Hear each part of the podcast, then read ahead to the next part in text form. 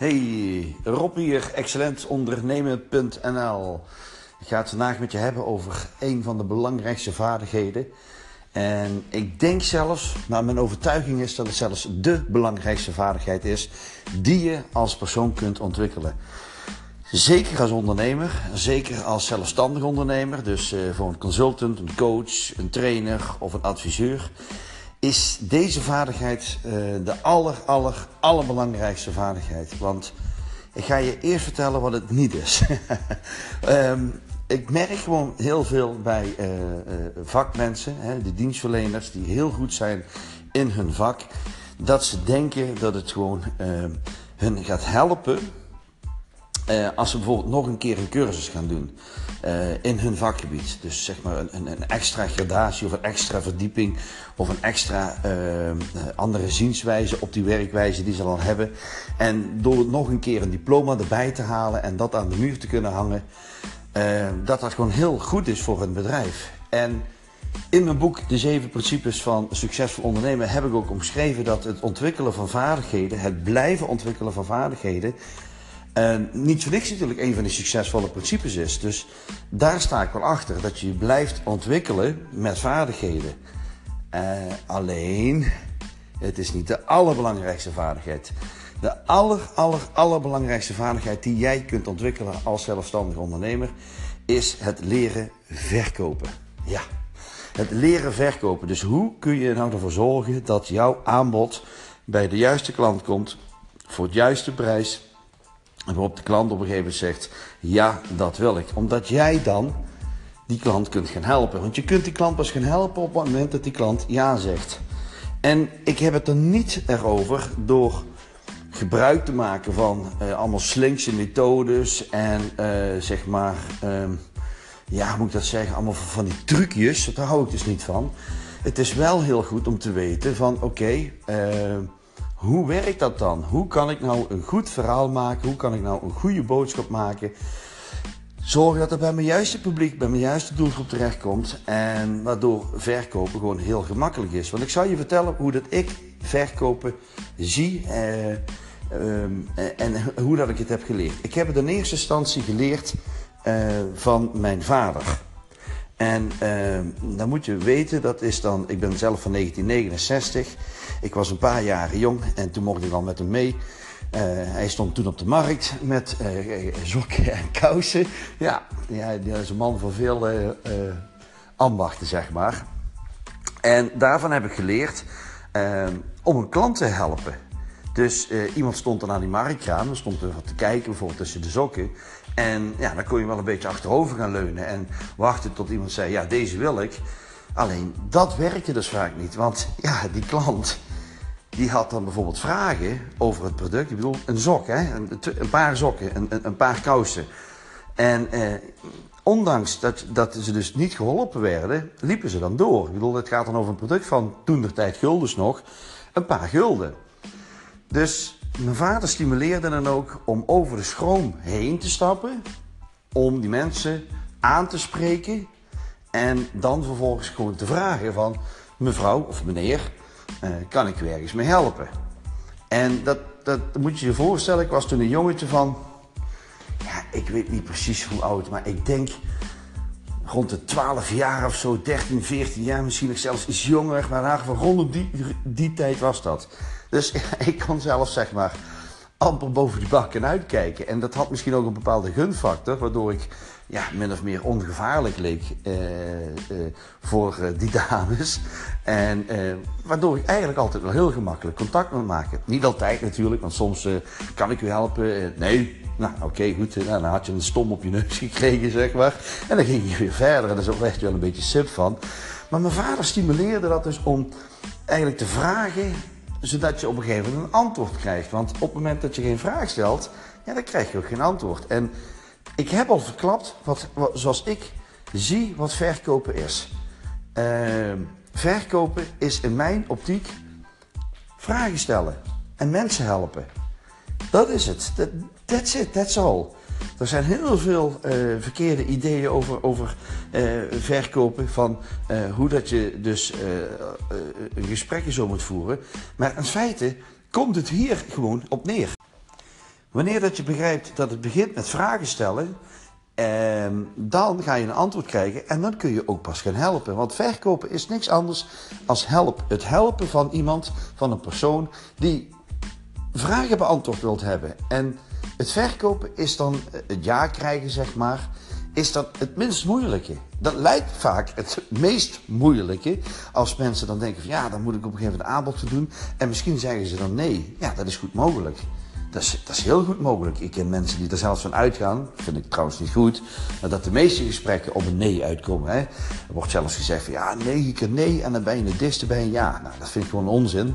Want als jij uh, een goed product hebt en een goed verhaal erbij en de juiste mensen, dan is er, dan, en je hebt van tevoren wel onderzocht of dat een oplossing is voor een probleem of het invullen van een passie, dan is verkopen gewoon easy. Dus uh, uh, ja, de, de, de, de, wat mijn vader dan ook deed, was natuurlijk naar die markten toe gaan, waar ook anderen waren. Ook anderen waren ook met zijn producten, was op zich ook geen probleem.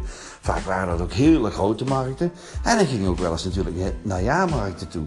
Nou, het was ongelooflijk hoe dat we dan elkaar, uh, uh, uh, samen nog met een vriend van hem, um, ja, hielpen om heel enthousiast uh, ook natuurlijk uh, die producten te verkopen. Ik bedoel, ja, hoe enthousiast kun je zijn over een paar sokken en een paar kousen? maar het is wel zo, door het aan de man te brengen, dus door de marketing, en dan was dat echt heel lokaal, maar door de marketing goed te doen, konden we gewoon ontzettend veel verkopen. Later uh, heeft hij me meegenomen toen hij een. een uh, ja, hij heeft een paar switchen gemaakt. Op een gegeven moment zat hij als, als verantwoordelijke voor de verkoop en heeft hij me meegenomen naar het kantoor. En daar heb ik dus ook geleerd om mensen te bellen en om afspraken te maken. En ja, ik zal je heel eerlijk zeggen. Dat was nogal wat, hè? Want ja, als dan iemand aan een, aan een marktkraam staat en min of meer een beetje oogcontact kun je krijgen, dan heb je al een contact. Aan de telefoon is dat natuurlijk totaal anders. Zeker met koud bellen, want jij belt en je gaat gewoon domweg iemand storen. Want dat is het. Um, en dan moet je ook gewoon een goed verhaal hebben. Alleen als dat je weet van, nou ja goed, mensen die ik bel, die kan ik ook daadwerkelijk helpen. En die zijn beter af met uh, het verhaal als, als ze het hebben aangehoord dan zonder. Ja, dan, dan gaat er wel natuurlijk een drive vanuit om het daadwerkelijk op die goede manier te doen. Nou, later heb ik uh, ook natuurlijk manieren ontdekt hoe dat het gaat om diensten te verkopen. Want het verkopen van diensten is natuurlijk totaal anders dan een product verkopen. En met een product verkopen ga je veel op de kenmerken zitten en zo. En als je dan een verkooptraining hebt gehaald uh, als dienstverlener, en dan heb je waarschijnlijk ook geleerd om over kenmerken te praten. Want dat is vaak een productverkooptraining geweest. Van wat zijn dan de voordelen? Ja, en het gaat niet uh, bij de voordelen. Dus um, bij een product zou je kunnen zeggen, nou het gaat om de voordelen. Je bent bijvoorbeeld uh, auto's aan het vergelijken. Nou, die auto heeft dan minder kilometers gelopen. Of die auto is dan met die kleur of met die extra's erop. Dat zijn dan voordelen. Maar bij het verkopen van een dienst heeft het totaal niks te maken natuurlijk met, uh, met, met, met voordelen. Het heeft totaal niks te maken met voordelen. Je kunt met het verkopen van een dienst kun je zelfs veel beter uh, ja, veel, uh, het is veel beter om minder te praten over die voordelen. Die voordelen dragen totaal niet bij wat, je ervan zou denken. Eh, wat je hebt geleerd waarschijnlijk in de training. Wat dan wel? Nou, waar je over dient te praten is het resultaat. Wat is het resultaat? Op het moment dat een klant beslist om bij jouw klant te worden. Dus om, om, om, om jouw diensten af te nemen. En op het moment dat je dat goed kunt verwoorden. En daar zijn ook hele mooie methodes voor om dat uh, goed te verpakken. Dan is het veel gemakkelijker voor een klant om ook ja te zeggen. En ik zeg wel eens tegen mijn klanten die er bij mij komen, want die hebben dan moeite met, met, omzet maken. En daar merk je gewoon dat ze het heel lastig vinden om te verkopen. Uh, ze zijn inhoudelijk, vakinhoudelijk zijn ze erg goed. Ze hebben een goed product. Mensen zijn er ook echt blij mee dat, dat, ze, uh, afgenomen, dat, dat ze hun product hebben afgenomen. En toch lukt het ze niet goed om te verkopen. En eigenlijk is, is er één methode voor. Uh, eigenlijk één vraag die ik dan stel aan mijn klanten. Vanaf dat je daar antwoord op kunt geven, ja, dan, uh, als je daar antwoord op kan geven, ja, dan, dan, dan gaat alles gewoon veel gemakkelijker. En dat is eigenlijk als volgt. Ik heb die vraag ooit gehoord van Dan Kennedy. Zoek hem maar even op. Dat is een hele bekende Amerikaanse marketinggoeroe. Hij heeft ontzettend veel boeken geschreven, trainingen gemaakt. En Dan Kennedy, D-A-N, Kennedy zoals eh, de president. En die zegt altijd als volgt.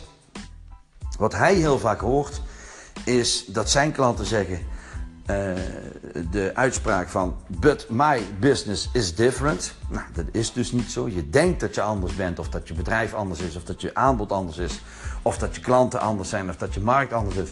Maar dat is niet zo. Hij zegt: Ik heb in alle markten gewerkt. Geloof me, het is overal hetzelfde. En hij zegt eigenlijk het volgende: Why should the customer do business with you? Dus waarom zou de klant met jouw zaken dienen te doen? En het antwoord wat ik dan heel vaak hoor is, ja, ik ben heel goed en ik geef hele goede service. Of ik doe ontzorgen, dat vind ik ook zo'n uh, zo'n woord. Ik doe dan ontzorgen. Nee, het, het, het gaat erom, wat is het resultaat? Niet, niet wat je doet, dus niet de kenmerken, niet de eigenschappen van, uh, van maar wat is het resultaat? Nou, en dan, dat heb ik dus in een vraag gegoten. En op het moment dat ik die stel, dan zie ik ook de mensen kijken. En dat is namelijk het volgende. De vraag die ik dan stel is, Welke garantie kun jij geven? Sterker nog, welke beste garantie kun jij geven? En als dat je daar een antwoord op hebt, dan heb je een heel sterk marketingboodschap. En dan zul je ook de juiste klanten aantrekken. Dan is prijs ook niet meer zo heel belangrijk, want jij geeft een garantie. En dan zul je ook onderscheidend zijn in jouw markt. En je wilt niet weten hoe vaak dat ik mensen daarmee al heb geholpen door uh, zich te positioneren door een garantie te gebruiken. Uh, want op het moment dat je garantie gebruikt, ja, dan, dan ben je al uniek. Want in heel veel situaties is het zo van jouw concurrenten dat zij geen garantie bieden. En die zijn ook goed. En die hebben ook diploma's. En die hebben misschien ook een goede prijs. En die zijn misschien zelfs nog iets goedkoper dan jij bent. En hoe komt het dan dat jij toch die klanten krijgt? Gewoon door heel simpel het vertrouwen te krijgen van die klant. En het vertrouwen kun je het heel snel geven door jouw klant garanties te geven. Als je dit doet, dan gebeurt er dat. Als je bij mij dit doet of afneemt, dan zorg ik ervoor dat je dat krijgt. Dat is het resultaat. Want zij willen een gegarandeerd resultaat. Is het dan zo dat jij ook verantwoordelijk bent zeg maar, voor de acties die de klant onderneemt? Nee, dat natuurlijk niet. Het is niet zo dat uh, je, verantwoordelijk bent voor de acties van de klanten. Maar als jij een methode hebt, een techniek hebt, een manier waarop die uh, resultaten gegarandeerd kunnen worden, dan is het toch logisch dat iemand dan ook die stappen moet ondernemen. Bijvoorbeeld, uh, ik heb wel eens het voorbeeld genoemd van een afvalcoach. Hè, dus dus met, met, met uh, afvallen met minder gewicht, dus kilo's afvallen. En dan is het vaak zo dat, ja, ik help mensen met afvallen. Nou, als dat je dan kunt zeggen, ik garandeer mijn klanten dat ze 8 kilo afvallen in 8 weken tijd. Boom. Dat is een resultaat. Hoe dat je doet, maakt even niet uit. Want de mensen die 8 kilo willen afvallen in 8 weken, die heb je. Die, die komen naar je toe. En welke prijs dat je dan wat vraagt, Maakt niet uit. Het, het, het mag natuurlijk, het, het, het mag duurder zijn dan je concurrent, laat ik het dan zo stellen, omdat je namelijk een garantie geeft. Is het dan dat zij met een zak chips op de bank moeten gaan zitten om dat te bereiken? Nee, waarschijnlijk niet. Ik heb nog niet die chips ontdekt. En als je die chips weet, dan moet je me even een mailtje sturen.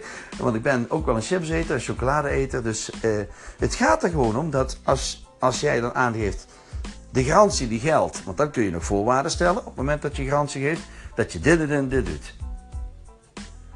Naast, en, en dan ben je dus zover en dan ga je nog zien dat jouw klanten resultaten krijgen. Ik kan het je echt al, al een, een van jaren laten, laten zien dat mensen successen halen en resultaten behalen, mits dat ze natuurlijk wel die acties uh, doen. Maar dat is logisch. Dus het gaat erom, waarom zou die klant met jou zaken moeten doen op basis van welke beste garantie kun je geven? Rob van der Bonen, excellent ondernemen.nl was weer mijn genoegen en ik spreek je morgen weer.